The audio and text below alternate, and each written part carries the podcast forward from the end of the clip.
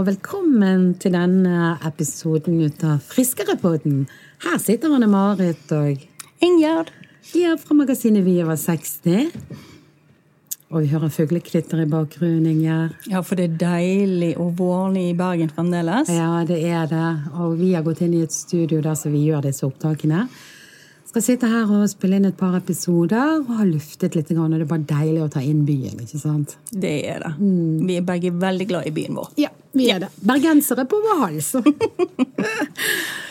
Men Anne Marit, du er jo i gang med den livsstilsendringen din. Eh, Ja. Nå har det gått en uke til, det vil si at du er ni uker inne i eh, programmet, kan vi si. Um, hva har skjedd siden sist? Hva er det mest positive som har skjedd denne uken? Um, I dag når vi gjør dette opptaket, så er det mandag. Så jeg må jo si det at um, når dette sendes, er det onsdag. Jeg, må, jeg, jeg kommer liksom ikke utenom å nevne det at uh, det var et veldig stort oppslag i Dagbladet på lørdag uh, om dette med diabetes, diabetes og den reisen som jeg uh, har hatt, da, eller som jeg er i. Eh, og det, om det var det mest positive, men det var i hvert fall det mest overraskende. Ja, for det var ikke bare selve oppslaget, selve saken. Det var jo også det at du prydet hele forsiden til eh, Dagbladet lørdag. Ja, og det var jo jeg helt uforberedt på. Eh, Noen ganger er det sånn at Du vet, vi journalister, vi, vi, vi gjør jo som vi vil, ikke det er det folk pleier å si? Eh, Og jeg ble jo intervjuet for en fire-fem uker siden av en Dagbladet-journalist som tok kontakt med meg. Hadde hørt om eh, at jeg hadde fått diabetes 2. Hadde hørt det sikkert borte på Allerhuset, for vi er jo en del av det samme konsernet. Spurte om jeg kunne tenke meg å snakke om det, for det jo rammer jo veldig mange. Og så tok vi et intervju da, for, for lenge siden, og jeg ante jo ikke hvordan dette kom til å bli, eller hva slags eh, kanal det kom til å bli sendt i. Eh, Det kunne jo være at de la det på Dagbladet Pluss eller på eh, dagbladet.no, eller ikke visste jeg. Men i hvert fall jeg snakket med journalisten. Så jeg hadde jo egentlig gått litt i glemmeboken. Jeg tenkte enten har det vært uten at jeg har fått det med meg, eh, eller så kommer det til å komme, og da gir de meg sikkert en lyd. Men etter hvert som ukene gikk, så trodde jeg egentlig at de- kanskje hadde forkastet det. da, At ikke det var så veldig interessant. Men interessant må det jo absolutt ha vært, fordi at de bruker altså forsiden pluss to sider inni avisen. Eh, og du fikk vel et varsel om at det kom på trykk, men kanskje ikke på den måten? Nei, for fredag ettermiddag etter jobb så fikk jeg en mail fra journalisten i Dagbladet som sa at nå kommer saken på trykk. Den kommer på trykk i morgen i papiravisen. Fin sak, skrev hun. og så tenkte jeg at ok, da er jo det bare til å kjøpe Dagbladet på en lørdag og så se hva som skjer. Um, jeg hadde jo ikke noe som helst forestilling om uh, å komme på førstesiden. Og så våkner jeg da lørdag. altså Det var faktisk sånn at jeg sa ikke til min samboer engang at eh, det, saken skulle komme. Så det var mer sånn ok, nå kommer den. Um, så får jeg altså en tekstmelding tidlig om morgenen eh, på lørdagen eh, om at eh, noen hadde pakket ut en avisbunke som jobbet i en butikk. Og så altså tante på, på coveret. og møter min bror, eh, som sveiver ned vinduet eh, og sier til meg i bilen og sier til meg at er det kjendisen, sier han, og jeg skjønner egentlig ingenting. Eh, og da var jeg jo jeg ikke kommet til min butikken ennå, så jeg ante jo egentlig ikke noe om dette. Så sier jeg det at eh, hva mener du? Ja, du er jo på Dagbladet. Ok, ja, på førstesiden, sier han. Ja vel, ok. Så tenkte jeg jo at jeg kanskje var oppe i et lite hjørne eller noe sånt. Det er jo gjerne sånn B-saker og sånn som plasseres oppi hjørnet. Eh, Men du var ingen B-sak. Nei, det var jo helt tydelig. Så når vi kom bort til bensinstasjonen, jeg var jo ute på hytten, så ba jo min samboer om å gå inn og kjøpe avisen. Vet du hva, jeg, jeg bare fikk, kjente at jeg fikk litt sånn pustebesvær. Fordi at jeg har egentlig ikke noe behov for å være hverken sånn i søkelyset eller i medielyset. Og jeg var veldig usikker på wow, i og med at min bror på en måte ertet meg litt med sånn kjendisen og alt dette, så tenkte jeg at hva kommer? Hvordan er dette slått opp? Og det er vel kanskje litt den følelsen som mange får når vi intervjuer de òg, Inger. Det er jo noe å tenke på. Sant? At vi som journalister har kontroll på hvordan oppslaget blir. Eh, Selv om jeg hadde godkjent eh, sitatene mine, for det hadde jo jeg selvfølgelig, så er det annerledes. Du vet aldri hvordan, hva slags kontekst ting blir satt inn i, hvordan oppslaget blir, hva slags bilder de, de, de har brukt. Så jeg var faktisk utrolig spent. Og så kommer han ut da i bilen med, dette, med Dagbladet. Og da er det altså hovedsaken.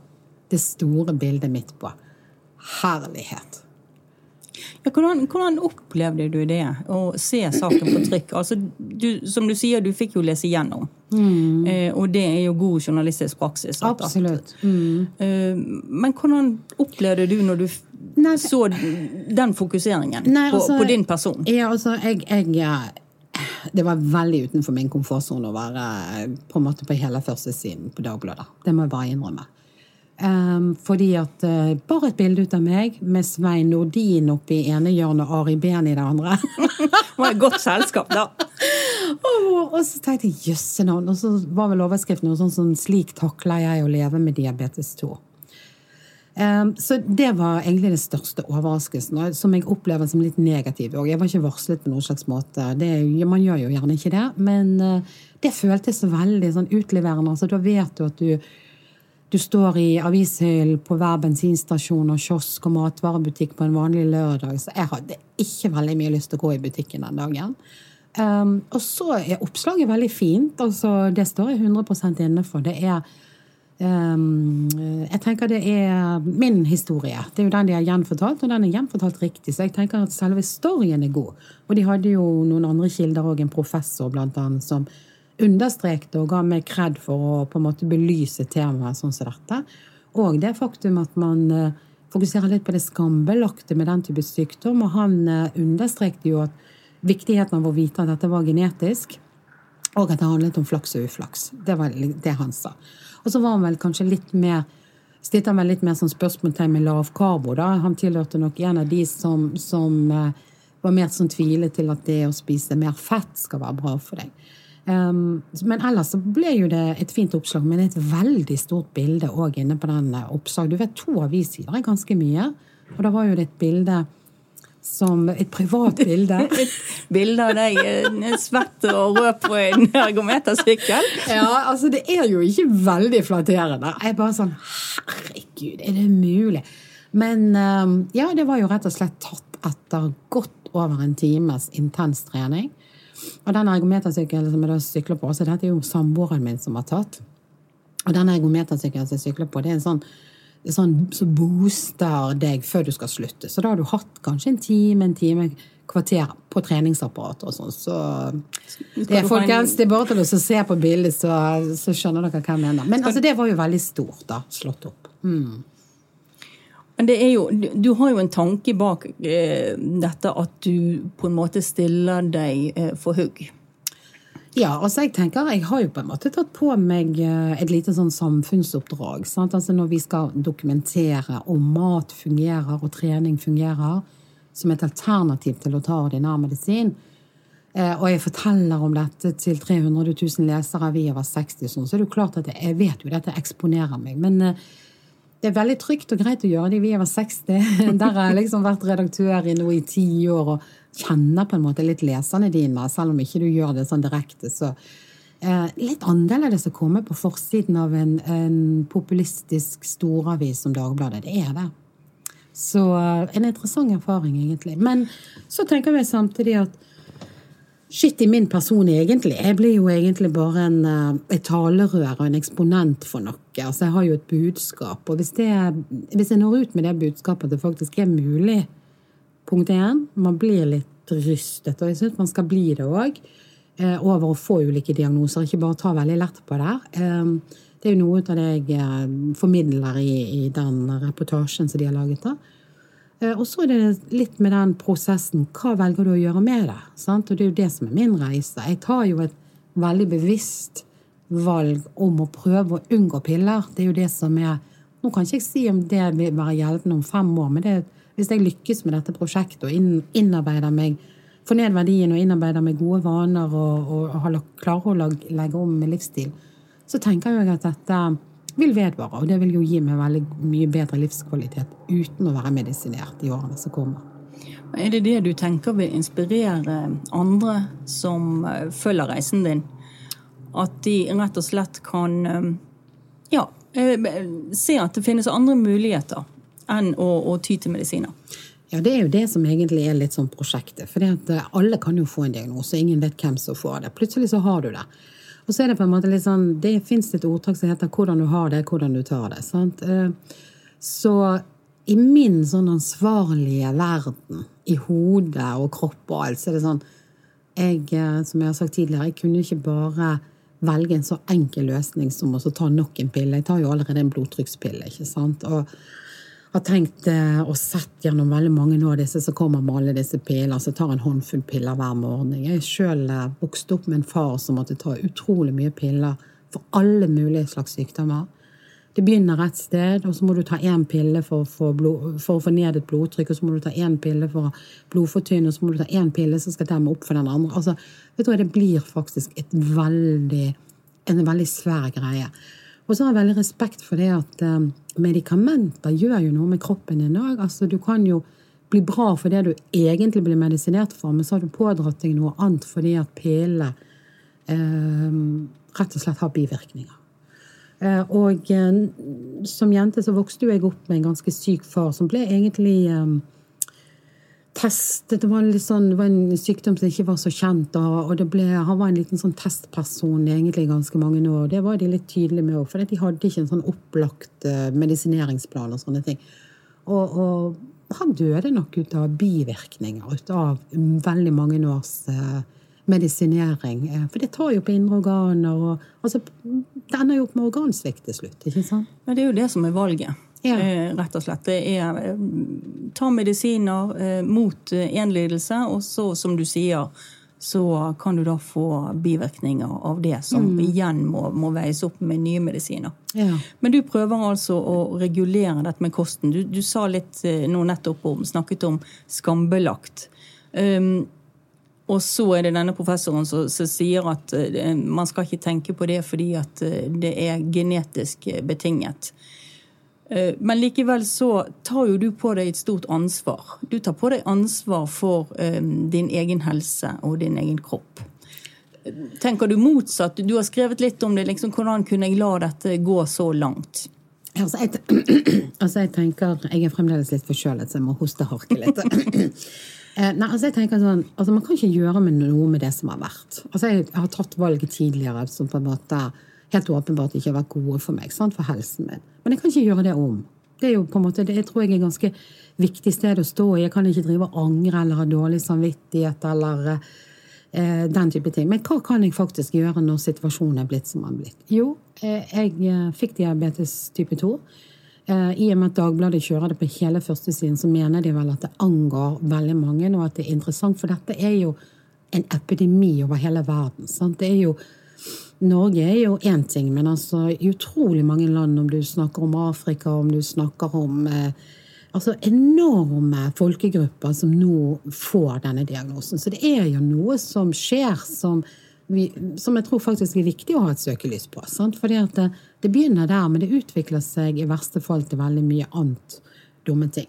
og så tenker jeg greit, jeg um, har jo sagt hva jeg syns om at jeg sjøl ikke var nok bevisst tidligere og har tatt dumme valg. Um, det kan godt være, det vet jo jeg ikke, om jeg hadde tatt bedre valg for meg sjøl tidligere, så kan jo det likevel være at jeg hadde fått diabetes 2.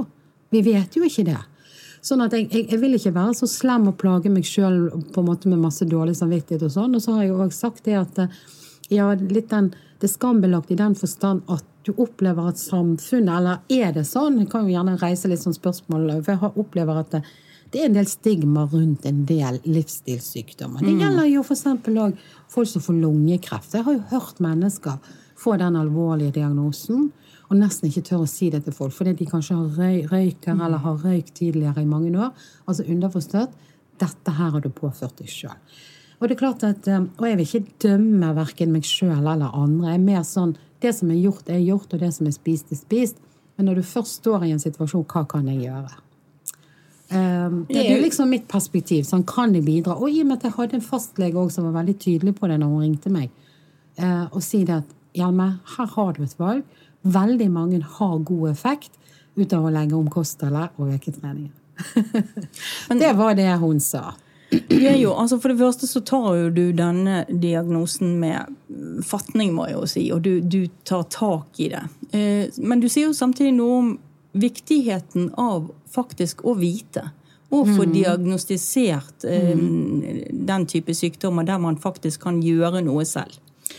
Ja, for jeg tenker det er jo en, en veldig negativ spiral, og den er jeg egentlig redd for. Altså, når jeg fikk diagnosen, sant, så var jo det det var litt sånn sjokk. Oi, jeg òg nå. sant? Jeg burde sett den komme, men jeg så ikke den. Men når, når jeg først fått høre at jeg fikk det, så må jeg forholde meg til det. Men så er det på en måte sånn, når, når du leser deg opp, og sånn, så ser jo du det at det, her kan det begynne. Men det er jo ikke her det ender nødvendigvis. Altså, du er eksponert for hjerneslag, for hjerte- og karsykdommer, amputasjon av føtter, nedsatt syn. Hallo! Altså, det er en sånn det er sånn marerittliste hvis du ikke griper fatt i dette. Så det er klart at um, det er egentlig det som er styrende for meg. altså. Jeg vil bli frisk, jeg vil i hvert fall ikke bli sykere. Men du vil rett og slett ha et eh, godt liv, kanskje med diabetes, hvis du ikke blir kvitt den helt. Um, men du vil gjøre ditt til at livet ditt blir så godt som mulig. Ja, vet du, vet du hva jeg tenker, Ingjerd? Jeg tenker, altså, mitt hode er skrudd sammen sånn at hvis jeg ender opp i en seng veldig, veldig syk uh, Og det kan jo man gjøre, for man vet jo ikke hva som rammer. Jeg tror veldig på det som både han professoren i Dagbladet-artikkel og sånn Wilhelmsen og alle disse altså andre som vi, som vi har intervjuet tidligere. Det, det handler mye om flaks og uflaks. Sant? Du kan være veldig sunn, og du kan holde på, men likevel bli rammet av ting. Men, men den dagen jeg ligger der syk i en seng, og jeg har opplevd det som sagt både gjennom mange ulike faser av livet mitt, eh, fra jeg var liten jente med min far, etter hvert med stefar, med, med mormor, morfar altså, vi, vi, opplever jo mye sånt på nært hold. Eh, jeg syns det, det, er så trist. Eh, og det er så lett for at det bare baller på seg. Og så tenker jeg at når jeg ligger der, i hvert fall, den dagen det skjer, så har jeg i hvert fall lyst til å tenke at jeg prøvde i hvert fall å gjøre en forskjell for meg sjøl.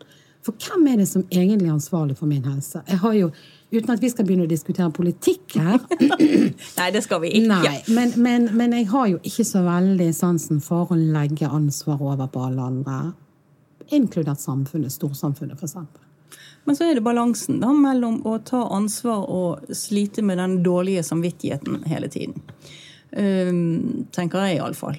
Men hvordan, når du nå havnet på forsiden av Dagbladet, litt tilbake inn til det. Hvordan reagerte dine omgivelser på det? Du fortalte jo at du fikk en telefon allerede om morgenen før du visste om det sjøl. Men har, har, du fått mange kommentarer fra de rundt deg? Ja, det er veldig mange. Jeg måtte jo legge det ut på, på Facebook og bare si jøss, det er ganske heftig å bli klistret utover forsiden sånn. For det, det, det syns jeg faktisk. Eh, så veldig mange har jo gitt tilbakemeldinger der og liker innholdet. Og nær sagt litt sånn gratulerer. Det var litt sånn kult å komme på cover av eh, Dagbladet. Um, det, så, så, der er jo det veldig flere hundre som har kommentert der. og så skulle jo jeg i et sånn kaffeslabberas da. Uh, samme dagen. Og da sa jeg uh, sånn på veien da, til min samboer at ikke nevn den. Vi, for han sa vi tar med oss Dagbladet. Nei, vi gjør ikke det, sier jeg. Um, den lot vi være i bilen, og jeg ba ham om det. Jeg hadde ikke lyst til at det skulle være fokuset. da.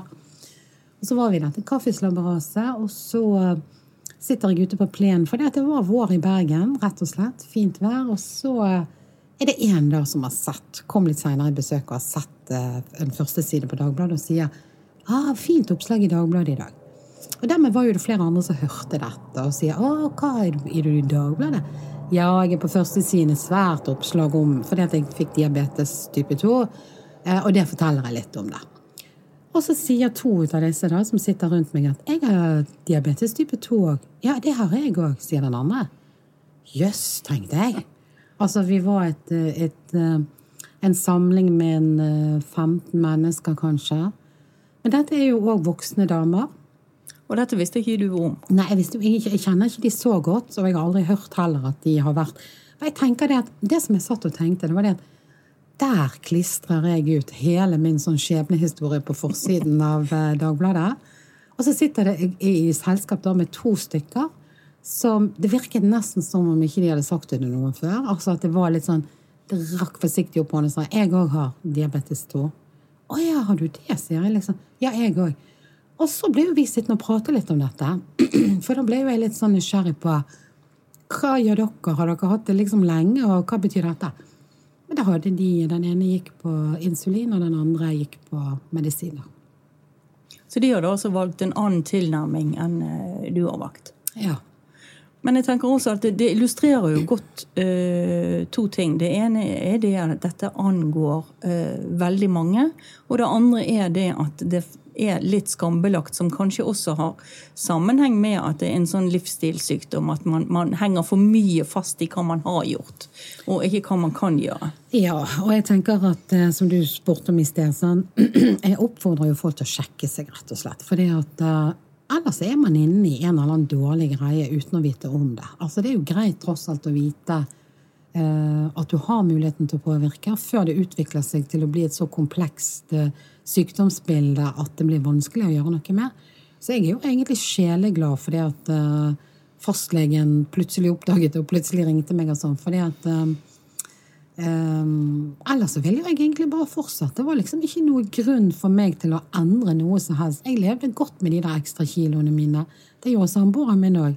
Så det er liksom på en måte sånn Jeg hadde ikke tatt en stopp uh, og um, gjort de grepene som jeg nå gjør, da. Og så er jo ikke dette i utgangspunktet en vektreduksjon, men vi vet jo det at vektreduksjon er med å bidra til å ta ned alle de dårlige verdiene. Det er jo sånn det henger sammen. Ja. Nå har jo jeg brukt disse ni ukene på å omprogrammere hele energibildet. Så, så nå eh, tilfører jo jeg mer naturlig fett. Ikke jeg drikker ikke olje, jeg spiser ikke fettrandene på, på kjøtt og sånn. Jeg gjør ikke det. altså. Jeg er ikke så glad i fett. En grense. Ja, Men det er mer sånn avokado, oliven, altså naturlige fettkilder. Jeg er mye mer bevisst på å spise. Eh, og så dropper jo jeg sukker og stivelse. Det er jo egentlig bare, nær sagt bare det jeg gjør. Mm. Du skriver jo om dette her. Eh, du har en ukeblogg. Mm. Eh, som du lager en oppsummering etter eh, hver uke, og så det går an å finne på viover60.no. Ja, ja, det stemmer. Mm. Og jeg tenker litt på, på um, hva er tanken din bak den bloggen? Jeg kaller jo han egentlig bare sånn 'kjære uke'-bloggen min. sant? Ja, hva, som en dagbok. ja, som en dagbok. Det er egentlig også å dele litt sånne surrete tanker og krøkkete tanker med leserne. Eh, jeg gjør jo dette for meg sjøl, men jeg gjør jo det òg for 300 000 lesere i magasinet Vi over 60. Og alle som orker å lytte f.eks. på denne podkasten, eller lese ting vi produserer. Eh, for det å inspirere og motivere. Sant? Jeg er jo bare ett eksempel. Eh, og som du, det, er, det, var veldig veldig tankevekkende for meg å sitte i dette kaffeslabberaset på lørdag og oppdage at det satt mennesker rundt meg som jeg tross alt kjenner til over ganske lang tid. Jeg ante jo ikke at de hadde diabetes 2. For det, det er nettopp det at det er ikke sånn at man nødvendigvis rekker opp hånd. Mange tenker at dette er veldig personlig. Det angår ingen andre hva som plager meg. Og det har jeg full respekt for at man kan tenke. Absolutt. Eh, jeg valgte jo en litt mer offensiv, men da bruker jo rollen min sant, som redaktør? Og, og, journalist. Jeg kan faktisk formidle noe om det. Jeg har eh, evnen til å skrive. Jeg har mediumene til å formidle ting. Så jeg bruker posisjonen min rett og slett til å belyse et veldig viktig tema. Søndagsbloggen er en oppsummering av uken. og det er istedenfor å fòre liksom leserne fra dag til dag, for det er ikke så mye som skjer. Man er liksom inne i en sånn tralte. men jeg oppsummerer med en del linjer i slutten av eh, uken på oppturer og nedturer, rett og slett. Når du skriver, hvordan tenker du når du skriver? Altså denne balansen mellom å være eh, personlig og privat. For du utleverer jo litt av hva du tenker på, hva du strever med, hva, hva um, utfordringer du har møtt i løpet av den uken? Ja, altså Jeg tenker, jeg sa jo det at hvis jeg skal være med på dette prosjektet, og hvis vi liksom i det hele tatt skal dra det i gang, så må jeg by på meg sjøl. Altså jeg må tørre å være litt utleverende. Det var jo det jeg følte jeg var på førstesiden av Dagbladet. Når du står der, eh, så er du ganske sånn Du blir ikke knyttet opp til en eller annen sak, men det er faktisk det at du har diabetes 2. Sant? Det er jo ganske utleverende. I verste fall så er det sånn at når folk ser men der er hun som har diabetes 2, sant? så glemmer de at du er sjefsredaktør. Jo, men det, det er helt sant. For mm. det er jo noe som mange organisasjoner tar opp. Ja. Eh, dette at du blir eh, knyttet til sykdommen din. Ja. Du blir en diabetiker. Ja. Du Og- blir ikke ja. igjen av en Anne Marit Hjelme, sjefredaktør i Vi over 60, Ja, i- en fall. diabetiker. I verste fall, ja. Ja, i verste fall. Og, og det, med det, men det har jeg tatt høyde for. Sant? Men nå har jeg bestemt meg for å ta på meg den hatten og så si ja, tre ut av rekken og si ja, jeg er en av de 200 000 som har fått diagnosen, men kom ut av skyggen alle dere andre òg. For det, det er jo som de sier, det er antagelig like mange som har fått den udiagnostisert. Vi er mange. Altså Hvis det er sånn at 400 500 000 i Norge har diabetes, vi er fem millioner mennesker, da angår dette mange. Og, og jeg kunne ikke, jeg tenkte liksom sånn med en gang jeg forsto at de hadde klistret meg utover hele coveret på Dagbladet, så tenkte jeg er det en så stor sak, da? Eh, altså, hvem har så altså, har de, Men, de, men desken, menneskene, redaktørene, har jo bestemt at ja, dette angår så mange og er så viktig. Og det gjør egentlig meg enda mer sånn opptatt ut av at vet du hva, det, dette er faktisk viktig. Dette skal vi snakke om. Um, og um, de som eh, eventuelt får en diagnose og vil holde den for seg sjøl, ja vel, ok, det er òg et valg. Um, jeg hadde kanskje gjort det òg, selv om jeg er jo en åpen type. Jeg ville nok, hvis, utenom den rollen jeg har i Vi over 60, så ville jeg nok fortalt det til familien min. Jeg, jeg, jeg, jeg syns ikke det er sånn skambelagt. Det er på en måte Altså, Du kjenner på det til å begynne med, men jeg, jeg kommer fort over den, for å si det sånn. Fordi at eh, jeg, jeg tenker vi får alle vårt på en måte på vår reise gjennom livet, og dette er en av de tingene som, som jeg skal slite med, og som jeg skal prøve å håndtere. da. Eh, Og det er jo ikke verdens undergang, det har jeg sagt tidligere òg, uten at jeg vil bagatellisere det, men det er mye som kan ramme oss her i livet. Sånn at eh, eh, Er ikke dette noe vi tenker med helsestoffet vårt i eh, Vi over 60 også, at det er nesten uunngåelig um, å få en eller annen form for diagnose, en eller annen form for lidelse, uh, når man kommer godt opp i årene? Ja. Og da handler det, Vi har jo veldig fokus på hvordan håndterer du det? Nemlig. Dette med, med eh, Selvfølgelig forebygge, men når du først har fått en, Ja. en lidelse, hvordan kan du leve godt med den lidelsen? Det er helt riktig, Inger. Og det, egentlig så lever jo jeg ut det som vi har sagt nå i årevis. Det er jo det jeg Det- praktiserer. ja. nå. Så jeg tenker jo det at eh, det er jo faktisk å overføre fra teorien, altså det vi har prosedert i alle disse årene, sant? både når vi holder foredrag og når vi skriver og sånt. Nå er det faktisk det jeg gjør òg i virkelighetsverden. Det viser det at det går faktisk an å ha et helt ok liv. Men eh, på søndagsbloggen, jeg må jo òg Jeg kan jo ikke bare når jeg velger ut, på en måte sånn, tenker jeg gjennom hvordan har uken vært, og sånn, så tenker jeg Jeg er jo ikke på noen slags måte interessert i å fremstille noe som er sånn glansbilde. Ja, for det, det ville jo ikke være troverdig, som jo også er en sånn pilar i vår journalistikk. Ja. Det at det skal være troverdig, det skal være basert på kunnskap. eh, Det skal være informativt og inspirerende. Ja. Og, og kanskje så tenker vi litt òg på én ting. sant? Eh, Vi er jo journalister, og jeg elsker jo å skrive. Eh, Og det å gi gode leseropplevelser òg. Så det å på en måte være litt sånn småsarkastisk eller litt sånn eh, småhumoristisk og, og spisspointe litt ting, det ligger jo i min natur å gjøre. Og det er jo akkurat en sånn arena jeg kan gjøre det på. Men likevel så tror jeg det at alle dere som eh, leser, og jeg håper dere vil fortsette å gjøre det, for det er på en måte på den søndagsbloggen at jeg oppsummerer litt sånn fra uke til uke. Eh, dere ser det at dette her er en, eh, en reise en, som er farget ut av eh, nær sagt både positive og negative, men det er livet. Og, og mange vil sikkert kjenne seg igjen i noe, og noen blir overrasket over noe. Og, men eh, jeg håper det at alle i hvert fall har en litt sånn god leseropplevelse, om ikke de sjøl eh, nær sagt verken har en diagnose. Vi har jo bare fokus på at alle kan bli litt friskere. Ja, det er det som er Så målsettingen vår. ja, så alle kan på en måte lære noe og hente noe, håper jeg. Ja, jeg syns det er underholdende lesning. Men Ingjerd, eh, nå tenker jeg at vi kan snakke litt om et litt annet, mer alvorlig tema, da, vil jeg si. Eh, I hvert fall for veldig mange som er rammet av det, og det er depresjon. Ja. Depresjon kan vi jo nesten kalle en eh, folkesykdom. Ja, Er det òg en folkesykdom? Vi sier jo gjerne det at diabetes 2 er det og sånt. De har begynt å kalle det en folkesykdom. Her er det jo litt vanskeligere å fastslå hvor mange det gjelder. Fordi at i motsetning til diabetes så kan du ikke ta en blodprøve og få et svar. Så det er litt avhengig av eh, hvordan personen sjøl rapporterer hvordan de har det. Men de tror jo at eh, kanskje så mange som 100 000 over 65 har en depresjon. Ok.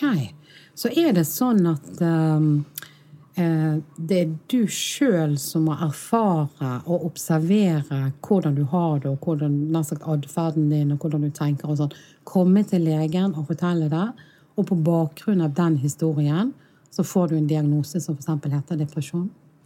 Ja, for det, det, det er som sagt ingen prøver du kan ta. Men ofte så er det jo de som kjenner deg, de som er rundt deg, som vil observere en endring i atferden din.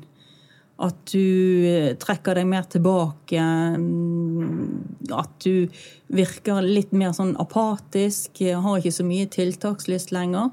Men så er det jo også sånn at en god del av de som er godt voksne, eldre spesielt, de bor jo kanskje alene. Akkurat. Sånn at det er ingen i deres umiddelbare nærhet som, som eh, ser de hver dag, og kanskje ikke oppfatter denne endringen. Det, det, det er akkurat det. For da, for da er jo du avhengig av For du kan jo, eh, du kan jo være deprimert, men f.eks. ikke vise det til omgivelsene. Eller du klarer å skjule det akkurat de få gangene når barn og barnebarn er på besøk, f.eks. Ja, eller så kan det komme til uttrykk på en annen måte. Jo, det er jo det de sier, at eldre ofte har en annen måte å vise det på. da. Altså, de, de er ikke triste, de, de, de gråter ikke. Så det er ikke sikkert at det første du tenker på, er en depresjon når, når du har med en eldre person å gjøre.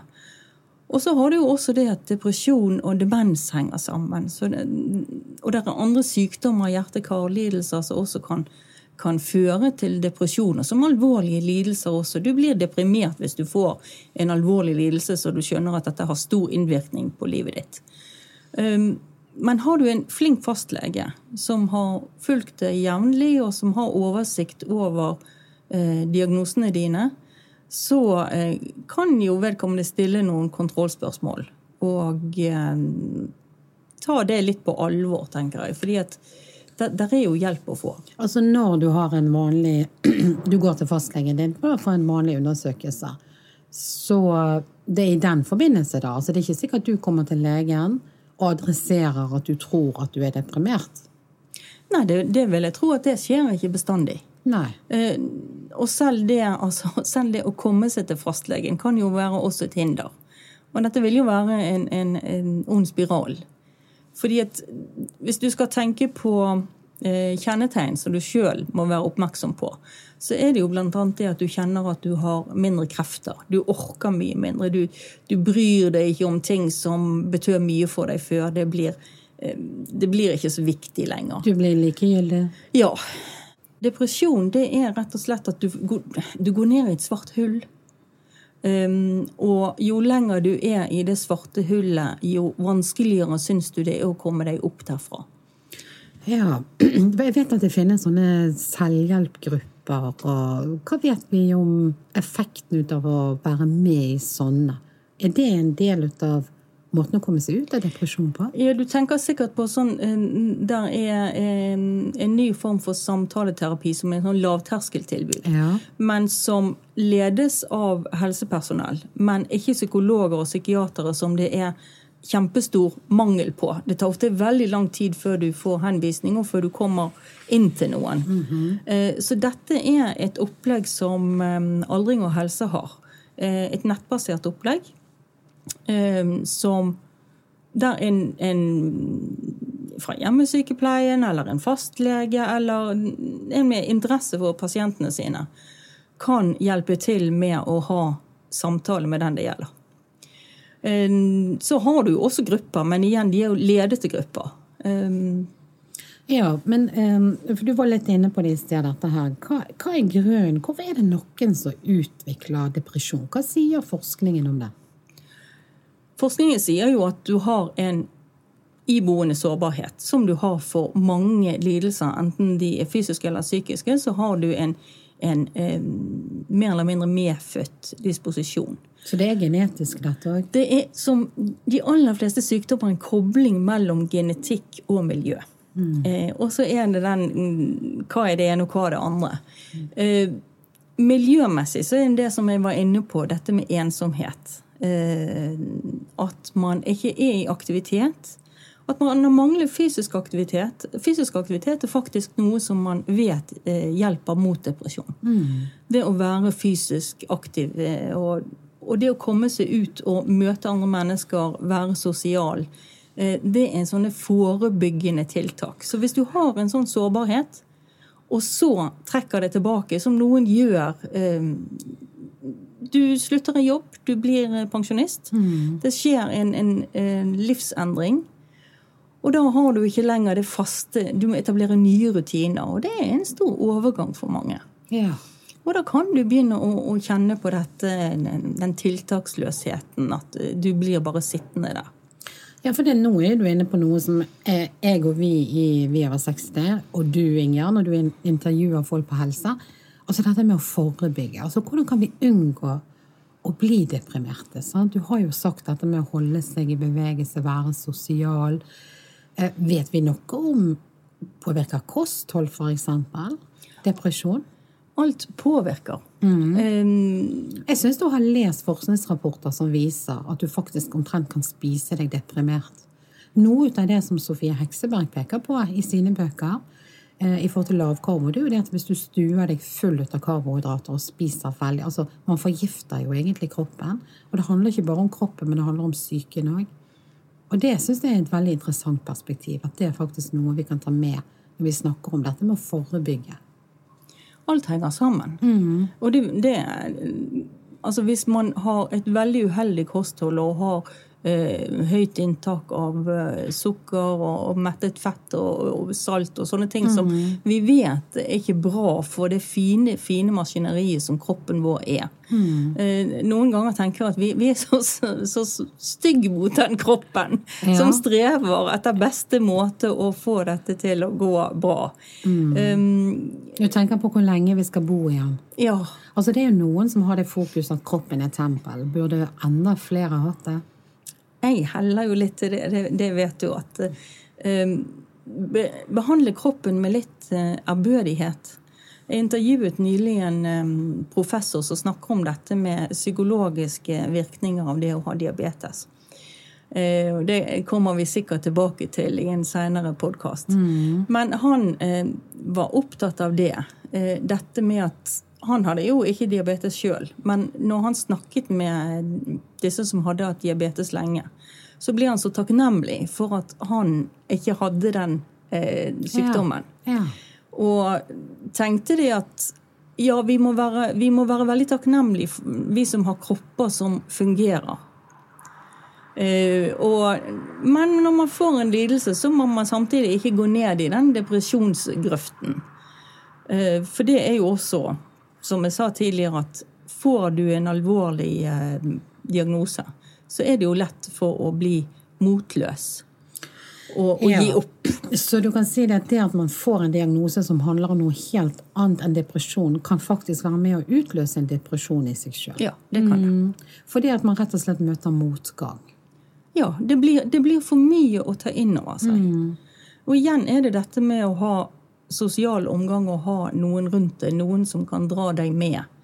Um, men da må du også tillate deg at noen uh, tar deg med ut og, og, gjør ting sammen med deg. Mm -hmm. um, men, men, har du noen tanker om Det er mange som sitter, det sa du i sted sjøl, sitter alene, har ikke så store nettverk. Har du noen tanker om hvordan vi kan være med og bidra til å se uh, f.eks. mennesker som vi tror sliter? Og hva kan vi eventuelt gjøre? Du sier det jo egentlig i spørsmålet ditt.